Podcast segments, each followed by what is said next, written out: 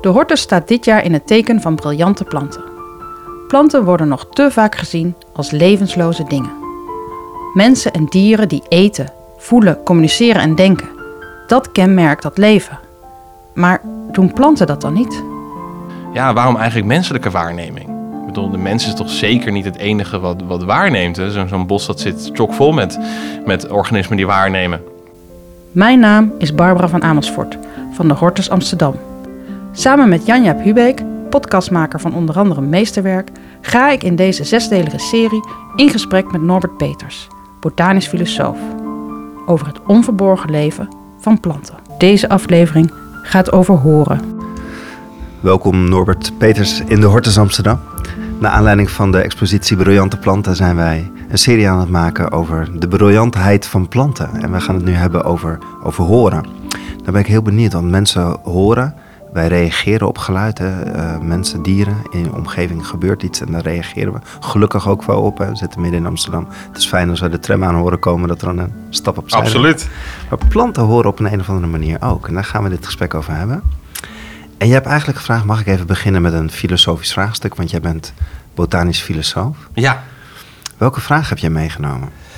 Ja, dat is eigenlijk een, een vraag die ongetwijfeld veel mensen ook wel kennen, of in ieder geval een keer hebben gehoord. Ja, filosofen zijn natuurlijk door op paradoxen, raadsels en, en, en, en eh, uitspraken waar je in eerste instantie niet zo heel erg veel mee kan. Maar een hele bekende, denk ik wel, die veel mensen ook kennen. Stel, er valt een boom in het bos en er is niemand in de buurt, maakt die dan geluid? Het grappige is, die komt eigenlijk uit de koker van Engelse eh, filosoof, bisschop, George Berkeley. Die het niet eens zozeer over horen heeft, maar die eigenlijk het over waarneming aan zich heeft. Dan als er, iemand, als er een boom valt in het bos en er is niemand om hem waar te nemen. Ja, niet alleen maakt hij dan wel geluid, maar eh, bestaat hij dan überhaupt wel? En zijn antwoord daarop is nee, en, de wereld bestaat eigenlijk niet zonder waarneming. Hij, hij, heeft dan een, dat, dat vervat in een soort mooie Latijnse spreuk, esse est percipi. Dus eh, zijn of bestaan is waargenomen worden. Je zou, er, je zou kunnen zeggen, daar is iets voor te zeggen. Eh, in de zin van, ja, als je inderdaad geen waarneming hebt, bestaat er dan wel een wereld. Lastig te controleren, want je kan natuurlijk niet buiten je eigen waarneming stappen om vervolgens dat te gaan zitten controleren. Dus eh, wat je wel ziet is dat het een beetje een vraag is die op zich respectvol wordt behandeld eh, meestal. Maar op een bepaalde manier ook alweer dat respect niet helemaal verdient, zou ik zeggen. Er zitten een aantal dingen aan die uitspraak die niet helemaal lekker gaan. Dus als je daar gewoon praktisch pragmatisch naar kijkt, naar zo'n uitspraak van oké, als jij niet in de buurt bent om het waar te nemen of je neemt het niet waar, bestaat het dan wel? Op een bepaalde manier is dat echt een typische vraag die filosofen stellen en alleen maar door filosofen worden gesteld en door helemaal niemand anders. Ehm, er is geen houthakker in het bos die als die onderuit hoort worden, nee, iemand roept onderuit, eh, dan gaat hij zich niet afvragen van, ja, maar ik heb die boom nog niet waargenomen. Bestaat die dan wel? Nee, je gaat natuurlijk gewoon, je maakt dat je wegkomt tot schel. rennen, ja. Ja, Ja, het is- de vraag om de vraag eigenlijk. Het is de vraag om de vraag en het, en het brengt natuurlijk wel iets op zich naar, naar voren wat, wat interessant is. Maar op een bepaalde manier zit er ook altijd wel een beetje zo'n zweem van respect om dat soort filosofische vragen dan heen. Terwijl dat denk ik niet altijd helemaal terecht is. En wat, wat er volgens mij bij, bij Barclay nog, nog meer achter steekt en wat je ook al een beetje hoort, is dat, ja, waarom eigenlijk menselijke waarneming? Ik bedoel, de mens is toch zeker niet het enige wat, wat waarneemt. hè? Zo'n zo'n bos dat zit chockvol met, met organismen die waarnemen. En zeker geluid waarnemen is iets wat, wat, waar mensen zich helemaal niet in onderscheiden. Er zijn, nou, ten eerste hebben zoogdieren eh, een overeenkomstig gehoororgaan als wij mensen. Wel beter waarschijnlijk. Soms beter, soms slechter inderdaad. Maar vaak zie je in ieder geval een soort van oorschelp of een oorstructuur. Eh, Er zit een binnenoor, er zit een trommelvliesje, er zitten gehoorbeentjes. eh, maar ook op heel veel andere manieren registreren dieren geluid. Dus wat ik altijd wel grappig vind is dat bij vlinders is dat bijvoorbeeld met het borststuk van de vlinders. Bij, bij krekels is dat met de poten. Bij slangen is dat met de kaken. Dit zijn allerlei manieren waarop geluid wordt opgevangen en, en waarop dieren reageren op geluid. En natuurlijk zeer begrijpelijk, dat kan iets alarmerend zijn of het kan juist iets verleidelijks zijn. eh, Dat je het ontvangen van auditieve informatie kan zeer belangrijk zijn in het, in het overleven van zo'n dier. Er zijn op een gegeven moment twee schrijvers geweest die in het boek Physics hebben geschreven in 1910 volgens mij. En die hebben dan ook proberen een soort van die, die vraag van George Berkeley hebben ze eh, hergeformuleerd. Als er geen dieren in de buurt zijn, eh, maakt hij dan geluid? Hè? Om het- Om het eigenlijk een soort breder te trekken. Maar ook daar zit een soort van verborgen aanname in. Namelijk, ja, waarom eigenlijk alleen dieren? Stel, je kan in ieder geval de vraag stellen van... Ja, zijn planten eh, ook in staat om geluid te registreren? En daar iets mee te doen? En die vraag die je ziet eigenlijk dat dat tegelijkertijd een vraag is die niet door heel veel mensen werd gesteld. En ook pas eigenlijk vrij laat wordt onderzocht. Uh, op een gegeven moment heeft, heeft Darwin een soort niemandsdalletje, wat hij niet eens opneemt in een van zijn boeken, maar hij is aan het eind van zijn leven, dan is hij met zijn zoon Francis Darwin. En zijn zoon heeft plantkunde gestudeerd in Europa. En uh, helpt hem op een gegeven moment bij, uh, bij wat van zijn botanische werk. Zeker bij zijn, laatste boeken. En in het laatste boek wat hij schrijft over planten, The Power of Movement in Plants, daar uh, onderzoeken ze niet alleen de beweging van planten, maar onderzoeken ze eigenlijk ook de zintuigelijkheid van planten. Dit was eigenlijk de eerste keer dat ik vond in ieder geval dat mensen daar dat, dat er een soort van proefje wordt gedaan. Dus hij, hij, gaat eigenlijk in dat boek gaat hij die zintuigelijkheid gaat hij, uh, gaat hij bevragen. En dat is natuurlijk op zich al iets heel vreemds om te doen. En daarom zie je ook dat hij het boek eigenlijk, hij zegt eigenlijk ja, het gaat over bewegingsvermogen van planten, maar het gaat eigenlijk ook wel heel erg veel over zintuigelijkheid. Maar het is natuurlijk eigenlijk iets vreemds, want planten hebben natuurlijk niet de anatomische uh, hoe zeg je dat? Uh, kenmerken. Kenmerken, ja. De zintuigelijke organen die wij, weet je, we hebben, we hebben natuurlijk een neus, mond, oren. Dat is heel duidelijk, dat kan je min of meer van elkaar scheiden. En dat kan je ook min of meer anatomisch, zijn het aparte structuren. En een plant die neemt licht waar of wat ook, maar dat doet hij niet met ogen. Dat doet hij, dat doet hij, op, een, dat doet hij op een andere manier. En op een gegeven moment komt bij Darwin gewoon de vraag op van, ja, hij heeft dan een, hij heeft dan een plantje op zijn bureau staan. En dat is een, uh, dat is, het heet een biophytum sensitivum. Dat is een uh, gewoon de Latijnse naam voor een, een, beetje het Aziatische kruidje roermeniet. Dus het kruidje roermeniet wat wij vaak kennen. Het plantje dat als je die aanraakt, dat dan die, al die plaatjes, al die deelblaadjes soort samenvouwen. Uh, in Azië heb je een ander plantje, de Biophytum sensitivum, die er wat anders uitziet. Het is eigenlijk een soort miniatuur palmboompje met een soort geveerd, geveerde blaadjes. En die is heel gevoelig ook voor aanraking, net als dat kruidje roermeniet. En dan merkt hij dat, dan zit hij eigenlijk achter zijn bureau te werken. Hij heeft op zijn bureau staan. En op het moment dat hij dan wat verschuift of hij stelt het tafelblad aan, dan ziet hij dat die blaadjes naar beneden, zich, zich naar beneden vouwen. Dus dat is zo gevoelig dat hij zichzelf de vraag stelt: ja, nou ja, reageren die alleen maar eigenlijk op die aanraking van dat tafelblad? Of kan ik die ook nog op andere manieren... Beroeren, letterlijk. Ja, letterlijk beroeren inderdaad. Dus wat hij dan eigenlijk zich af gaat vragen is van reageren ze op geluid. Het wormen heeft hij een soort gelijk onderzoek gedaan. Hè? Dus hij heeft maar Worm doet hij nog iets uitgebreider. Dan laat hij zijn kleine, uh, zijn wat jongere zoon laat hij piccolo spelen. Uh, een hele schelle fluitnoot. En hij laat Francis speelt fagot en zijn vrouw speelt piano. En op al die dingen reageren die wormen helemaal niet. De wormen hebben wat dat betreft niet zoveel met geluid. Behalve als je het bakje wormen op de piano zet en je slaat dan een toets aan. Dan kruipen ze meteen in hun, in hun gang. En maar je, is dan het geluid of is dan de trilling? Ja, daar is dus denk ik inderdaad dat zal de trilling zijn. Hè? En dat zie je ook wel een klein beetje bij en dat zie je ook bijvoorbeeld meeuwen doen. Als die een... Uh, trappel op de vloer, toch? Trappel op de vloer, ja. ja. Maar hier gaat hij dus een paar uur lang van God spelen voor dat plantje. En maar die verroert gewoon geen vin. En er gebeurt er gewoon helemaal niks. En dan schrijft hij uh, in zijn dagboek gewoon op van... ja, dat is een fool's experiment. Hè. Dat is gewoon een, een, een dwaas experiment... of het experiment van een dwaas. Uh, maar niet negatief. Hij is daar eigenlijk hij schrijft ook erbij dat hij gek is op dwaze experimenten. Dus hij heeft altijd wel iets van. Uh, je ziet gewoon heel erg dat hij zit die, uh, die nieuwsgierige aard van hem. Hij is, daar gewoon naar, hij is daar gewoon benieuwd naar. En dan kan je best even een dag kan je dat, kan je dat onderzoeken. Maar eigenlijk concludeert hij: nou ja, geluid heeft geen effect op planten. En ergens is dat ook voor ons misschien ergens ook al te begrijpen. Dat als je ziet wat voor functies geluid kan hebben in een omgeving. Inderdaad, weet je, het waarschuwtje er komt een tram aan of zo. Of als je bent vogels of zo, die is, dit is mijn territorium, waarschuwing. Als je hier komt, dan krijg je, krijg je er van langs. Of andersom, uh, ik heb eigenlijk wel zin om te paren. En ik ben een goed geluk vogeltje. Hoor maar hoe, hoe mooi je kan zingen. En dan is het verleidelijk. Maar je ziet natuurlijk wel dat horen en, en auditieve informatie in die zin heel erg verbonden is aan beweging. En dus het is wel zo dat het, je moet wel weg kunnen springen van die tram. En dus op een bepaalde manier denk ik dat auditieve informatie voor een plant ja, ja, niet per se zinvol is. Althans, gewoon logisch gedacht denk je van ja, dat is niet per se zinvol. Want hij kan niet aan, de, uh, aan de kant. Dus wat heb je er dan aan? Maar je ziet in ieder geval dat die vraag wordt gesteld. Van, nou, het is gewoon geen knip voor de neus waard, die vraag. Uh, dat experiment is mislukt. En daarmee berust de zaak. En dan zie je eigenlijk dat pas weer in de jaren 60, 70 van de vorige eeuw... zie je dat in één keer die vraag komt opborrelen. En op een bepaalde, bepaalde manier zich ook nestelt in het collectieve geheugen van mensen. Je hebt dan die gedachte van goede planten beter bij klassieke muziek of niet? Weet je, of Mozart of Bach. Hoe het ook ja, die vraag, hè? mijn oma die praatte tegen de planten. Helpt dat nou of niet? Hè? Ja, ja, ja, praten of zingen tegen planten. En ik denk dat het voor jezelf kan het heel gemoedelijk werken. Ik bedoel, je hebt aandacht voor die planten. Ik denk dat dat altijd stressverminderend uh, werkt. Alleen ja, heeft die plant er ook wat aan? Dat is eigenlijk, eigenlijk de vraag. En die vraag wordt gesteld en er wordt eigenlijk een beetje, komt een beetje uit een vreemde hoek. Uh, je hebt een, um, een dame, uh, een messensopraan, iemand die dus die zingt voor een beroep en die geïnteresseerd raakt eigenlijk in die band tussen muziek en planten. En die heeft een, een, een boek gelezen wat, wat, wat eerder uitkomt, wat ging over de, de power of prayer on plants. Hè. Dus dat, is, dat was een Amerikaanse, Dorothy Retelek, en die, die las dat boek over ja, de, eigenlijk uh, de, de kracht van bidden voor, voor planten.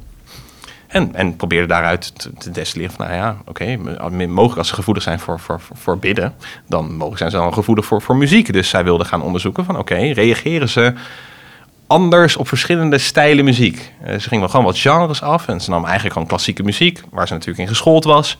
En ze nam moderne muziek, waar ze een broertje dood aan had. En ging vervolgens in huis eigenlijk gewoon maisplantjes en viooltjes en geraniums kweken.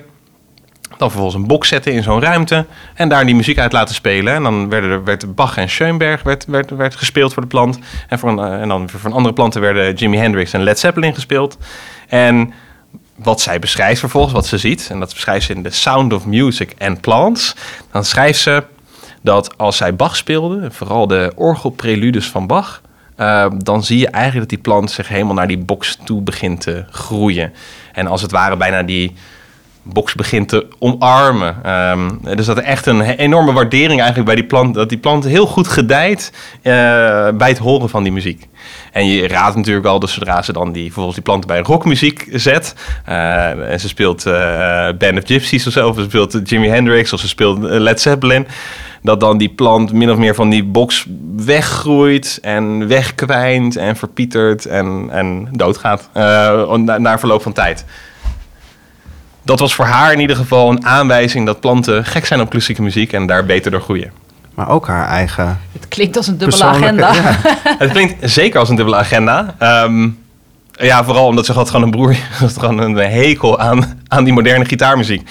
Um, en, en grappig genoeg hadden dan die planten dat natuurlijk vervolgens ook. En je ziet eigenlijk dat, dat haar onderzoek is min of meer opgepakt door, door een ander bekend duo, Peter Tompkins en Christopher Bird. Die hebben een boek geschreven wat toch wel een zekere bekendheid heeft gekregen. De, de, Secret Life of Plants. Dat is in de jaren 70 gepubliceerd. En dat is eigenlijk heel bekend geworden. Of in ieder geval, onder mensen is dat heel bekend geworden. Dus he, ja, hele bizarre aannames in. Er zitten ook al grappige vondsten in. En ook al wat, wat, wat daadwerkelijke plantkunde. Maar ook toch wel heel veel pseudowetenschappelijke onderzoek. Ze hebben op een gegeven moment zelfs volgens mij een soort uh, gedachte dat planten, als je daar een misdrijf bij pleegt, dat die planten dan vervolgens in staat zijn om de misdadiger te identificeren. Wat een hele, uh, ja, wat, wat een toch wel een behoorlijke bizarre gedachte twist is, dat een plant als een soort stille getuige bij een moord uh, zou kunnen helpen met, weet. En ik kan me ook goed voorstellen dat een rechtbank dat niet zou accepteren als bewijs, dat als mijn geranium een beetje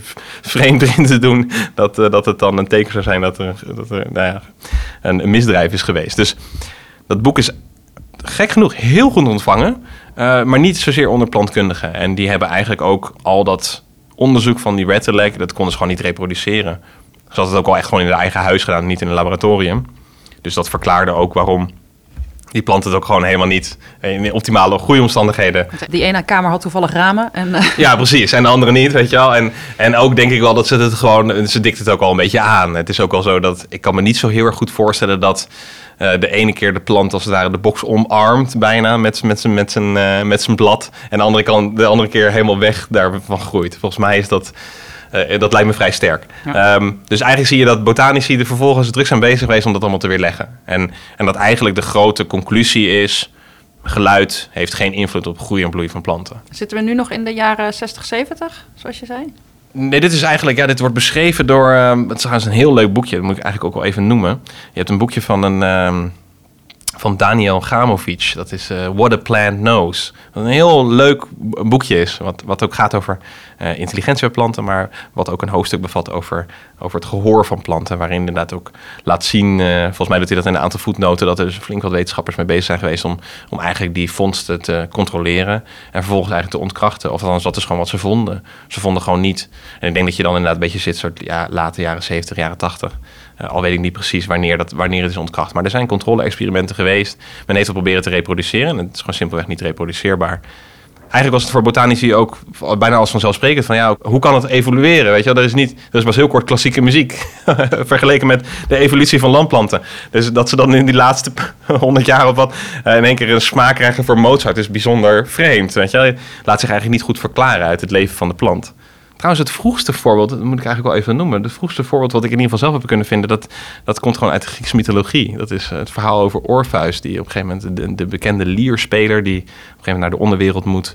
En er is uh, een beeld, wat was volgens mij wel vaak is herhaald, ook op schilderijen en dat soort dingen. Dat zijn lierspel was zo mooi dat de beesten als ware uit het bos kwamen om te luisteren naar zijn, zijn, zijn prachtige, zoetgevoiste klanken. En dat zelfs de bladeren en de bloemen naar hem toe bewogen. Oh.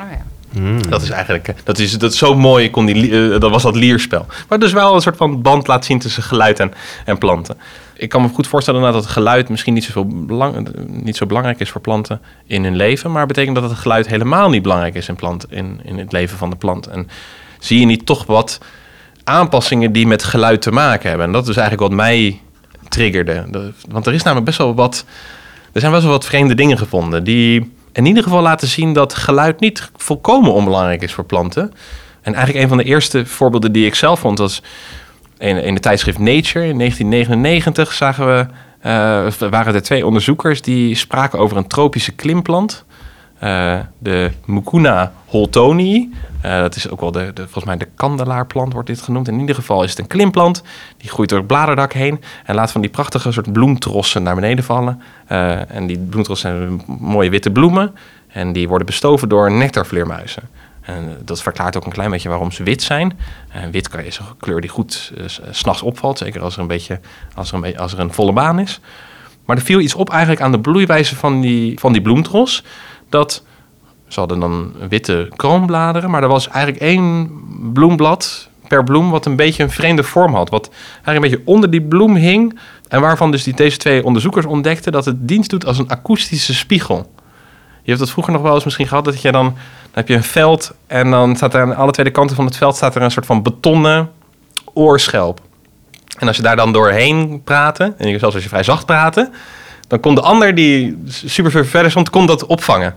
Eigenlijk werkt het op precies dezelfde manier. Namelijk, het is natuurlijk belangrijk voor zo'n plant om die bestuiver aan te trekken. En niet altijd schijnt de maan, of niet altijd is het licht genoeg om die witte bloembladen te zien. En het is ook maar de vraag, ik weet eigenlijk niet eens zo goed hoe, hoe goed het zicht is van nectarvleermuizen. Maar wat we natuurlijk wel weten van vleermuizen is dat ze echolocatie gebruiken om hun omgeving in, in, kaart te brengen en te navigeren in, het, in het donker. Dus dan maken ze een soort geluidjes, klikjes.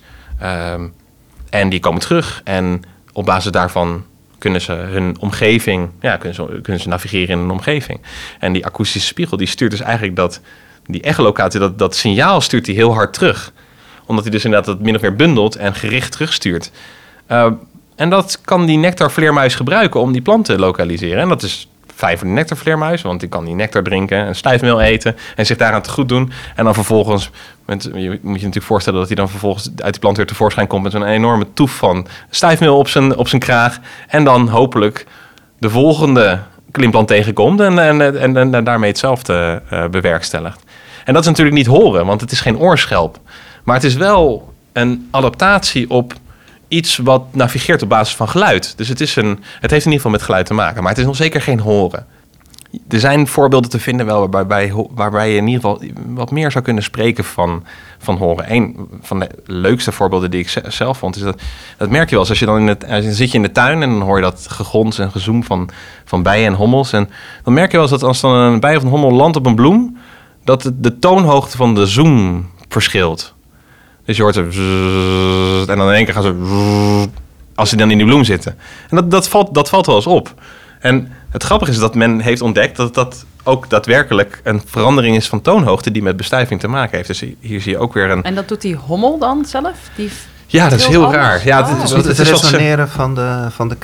Ja, ik dacht ook of dat die stil hangt en dat je dan anders. Nou, wat ze dus doen is, uh, tenminste, en dat is niet bij alle bloemplanten hoor, zo, maar tenminste, volgens mij is het toch al een, een, percentage van bloemplanten die, die, die heeft het. De bekendste eigenlijk van die bij ons ook in de tuin uh, vaak staat, is de tomatenplant.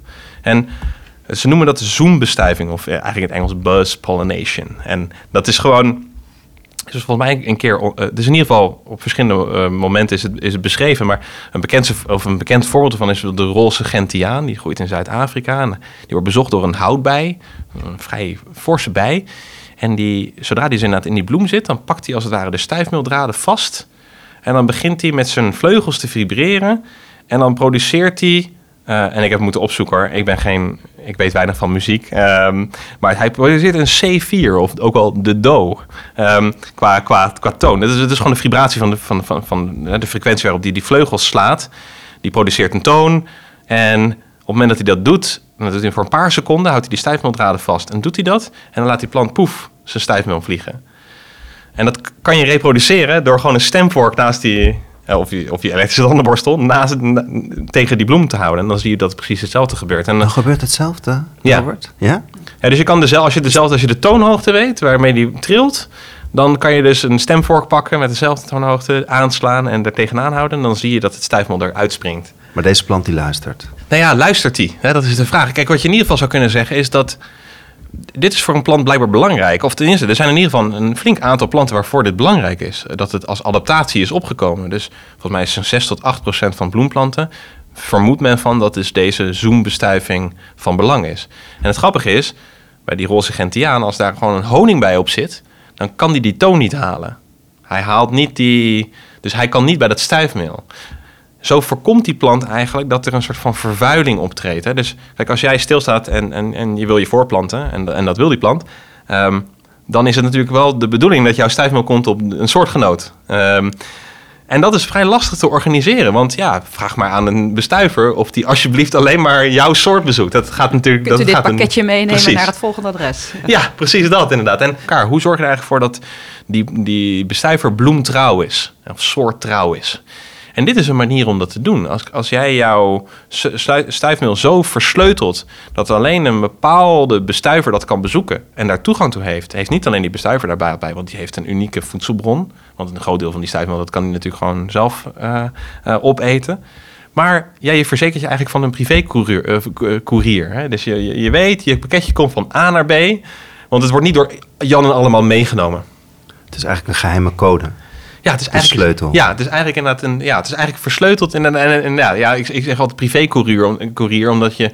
En dan weet je dat je pakketje van A naar B gaat. Uh, als je maar gewoon door Jan allemaal... Je kan wel op straat vragen om je iemand een pakketje laat meenemen. Maar ja, dan heb je dus precies hetzelfde probleem. Je weet niet of die wel op het juiste adres aankomt. Ik ben dan wel benieuwd wat, wat die plant dan doet. Want heeft hij dan, vangt hij die trillingen op en reageert hij daarvoor? Hè? In de mhm. vorige podcast hadden we het over de vleesetende plant die, die haartjes heeft. En mhm. op het moment dat twee haartjes geraakt worden, dan pas gaat hij wat doen. En dan gaat hij dicht. Is het, werkt het hetzelfde? Vangt hij deze trillingen met bijvoorbeeld haartjes op en reageert hij daarop, waardoor hij het stuifmeel open gaat? Of is het andersom? Ik zou anatomisch gezien niet eens weten hoe precies dat, dat, dat, dat zit op anatomisch niveau. Maar wat ik me goed kan voorstellen is dat de stijfmeel zo is gebouwd. En natuurlijk, een stijfmeel is, meestal een, een helmdraad waar die op staat. Bij zo'n lelie kan je dat heel goed zien. Dan zie je uh, zes van die, van die helmdraden. En er zitten dan van die hokjes op die een beetje los zitten. En uh, die gaan op een gegeven moment open. En daar zit, zit stijfmeel in het, helmhokje. En ik gok dat uh, het zoomen, de trilling, daar zorgt ervoor dat het helmhokje open scheurt. Dus dat er, dat er, dat eigenlijk een, je zou kunnen zeggen, een soort akoestisch slot zit erop hoe dat zo is gevormd. Ja, je, je kan je natuurlijk voorstellen dat er op een gegeven moment een bloem is die een bepaalde afwijking heeft in het helmhok, dat die gewoon niet open gaat. Maar dat er een toevallig iets komt, voorbij komt, wat een beetje zit te zoomen door zo'n kelk heen. En toevallig een keer met een, de juiste zoom toch dat scheurtje weet te veroorzaken. En dat die plant net een klein voordeeltje heeft ten opzichte van zijn familieleden die dit allemaal niet aan het doen zijn. Tenminste, ik, dit is natuurlijk super speculatief. Maar ik kan me voorstellen dat het zo zich ontwikkelt. Het enige is dan dat je nog ik zou zeggen, je kan niet echt spreken van horen daar. Want horen is toch wel iets wat wij verstaan als er is een vertaalslag nodig.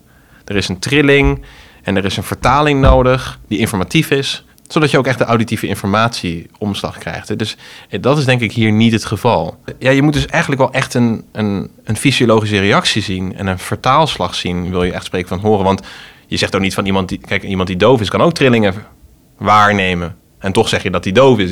Dus, dat, hè, dus op een bepaalde manier zou ik zeggen...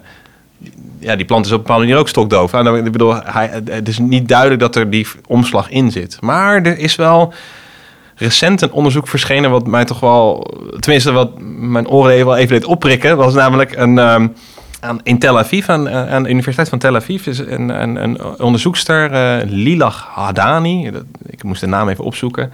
Maar die heeft heel interessant onderzoek gedaan. Eigenlijk in de buurt van Tel Aviv heb je, dat is natuurlijk een kustplaats. En daar in de duinen groeit de strandteunisbloem. En zij heeft die strandteunisbloem aan een heel eigenaardig soort experiment blootgesteld.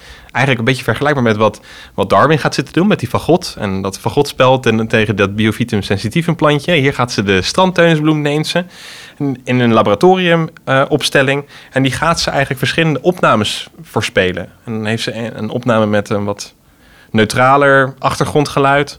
Ze heeft een opname met eh, het suizen van de wind. En ze heeft een opname met het gegons van bijen. En daar zit een duidelijk verschil. Wat ze merkte was dat er een verschil ontstaat in de reactie op die verschillende bandopnames. En het interessantste is dat op het moment dat je het gegons van bijen speelt ten opzichte van die andere signalen, dan gaat het suiker, de suikerconcentratie van de nectar gaat omhoog.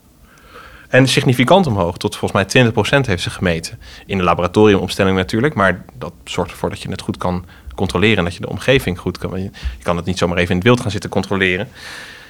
Ja, daar zou ik zeggen, daar gebeurt iets. Want dan krijg je dus de reactie op ja. een, nou ja, een trilling, bij wijze van spreken. Ja. Dus dan moet er verwerking zijn. Ja, en dan krijg je eigenlijk ook dat het dus informatief is.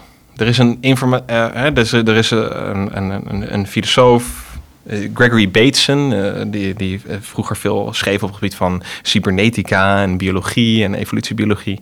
En die zegt op een gegeven moment, geeft hij een soort definitie van wat informatie zegt. En zegt hij een verschil wat een verschil maakt.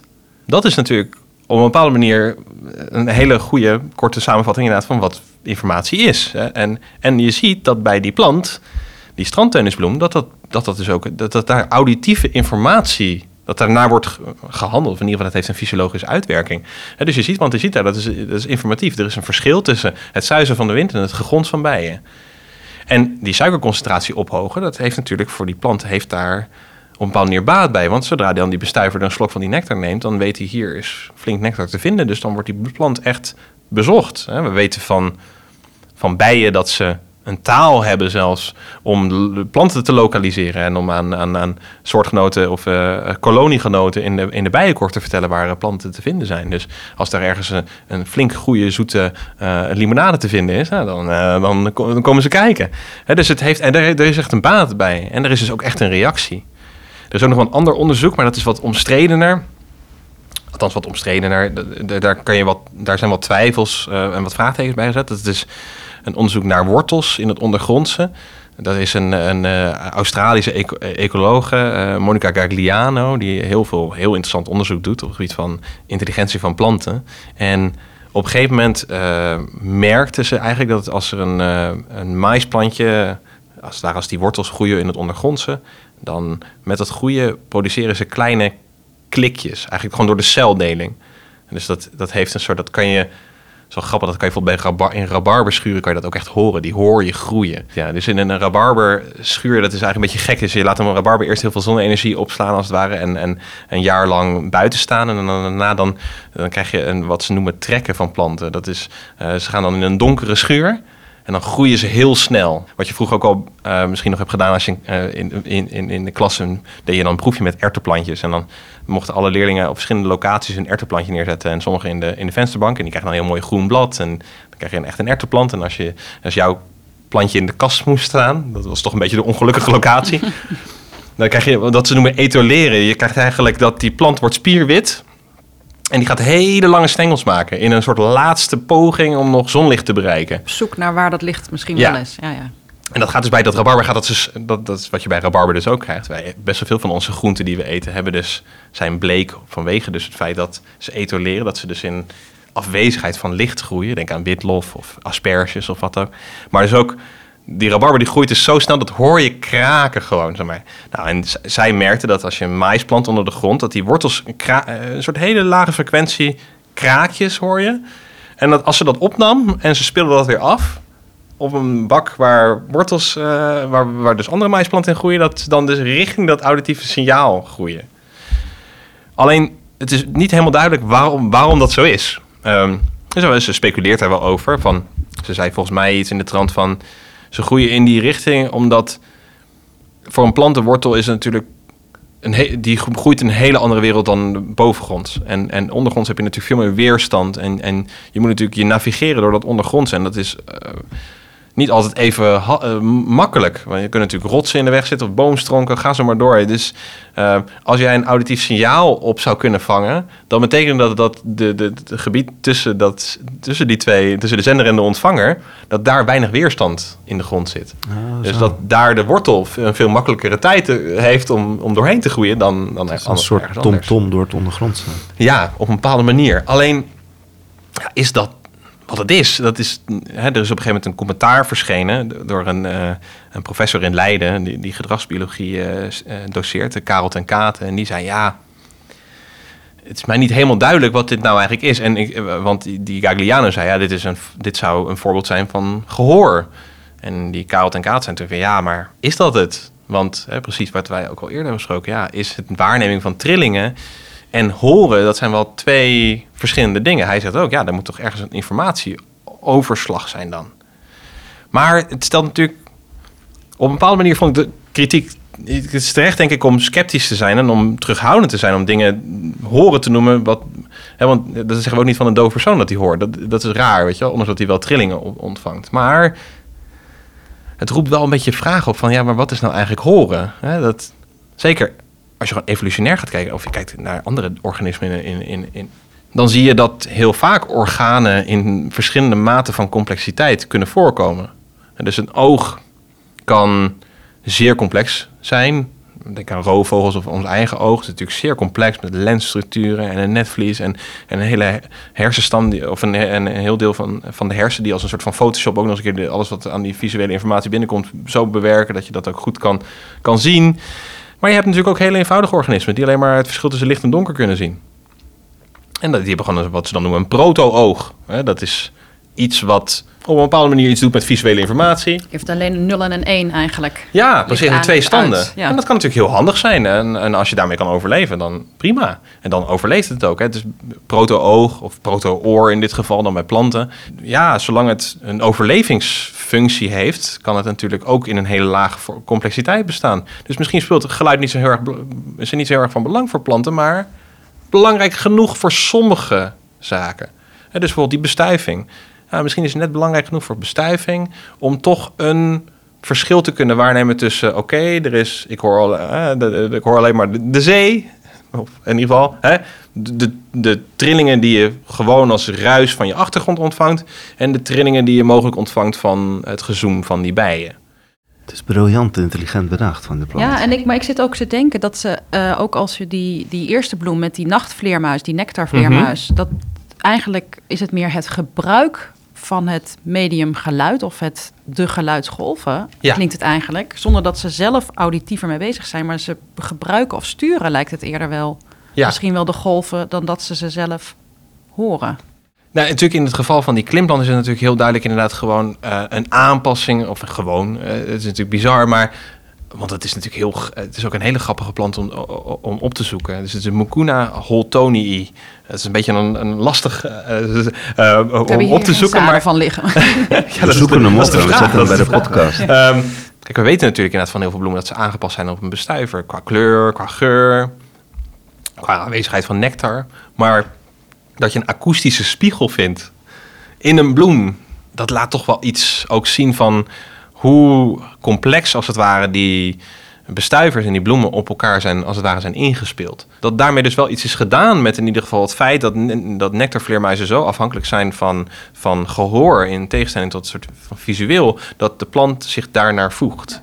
Ehm, en, en, en dat zie je natuurlijk, en bij die strandtennisbloem is natuurlijk het aardige dat, dat daar echt een reactie is van de plant. Dus als die deze input krijgt of een andere input krijgt, dan is er een verschil daartussen. En dat is natuurlijk heel bazaal. En het is natuurlijk inderdaad zeker niet horen zoals, zoals eh, onze oren werken. Maar Er zit wel iets. er zit wel iets. En dat is toch, denk ik, op een bepaalde manier interessant. En, en, en dan krijg je ook, nou ja, natuurlijk als je dat, als je dat weer terugbrengt eigenlijk naar die, die filosofische uitspraak van, van, van, van Barclay. Van ja, misschien dat die boom dat gewoon wel zelf door heeft. Ik bedoel, eh, eh, op de bomen in zijn omgeving. Ik kan me voorstellen dat als een boom valt, dat het redelijk wat trillingen in de omgeving. eh, Dus dat het op een bepaalde manier wel wordt geregistreerd. En, en, en dat laat ook eigenlijk wel, denk ik wel zien hoe, ja, hoe wijdverbreid waarneming is. En hoe complex eigenlijk ook waarneming is. En hoeveel smaken je waarneming hebt. En het leidt dan misschien niet op het, op het menselijke gehoor, maar je hebt natuurlijk heel veel verschillende manieren inderdaad waar- waarin organismen hun omgeving waarnemen en zich aanpassen aan een omgeving. Ja, en met iets met die informatie doen, inderdaad. Ja, Want wanneer eh, is het waarneming? Op het moment dat je er iets mee doet.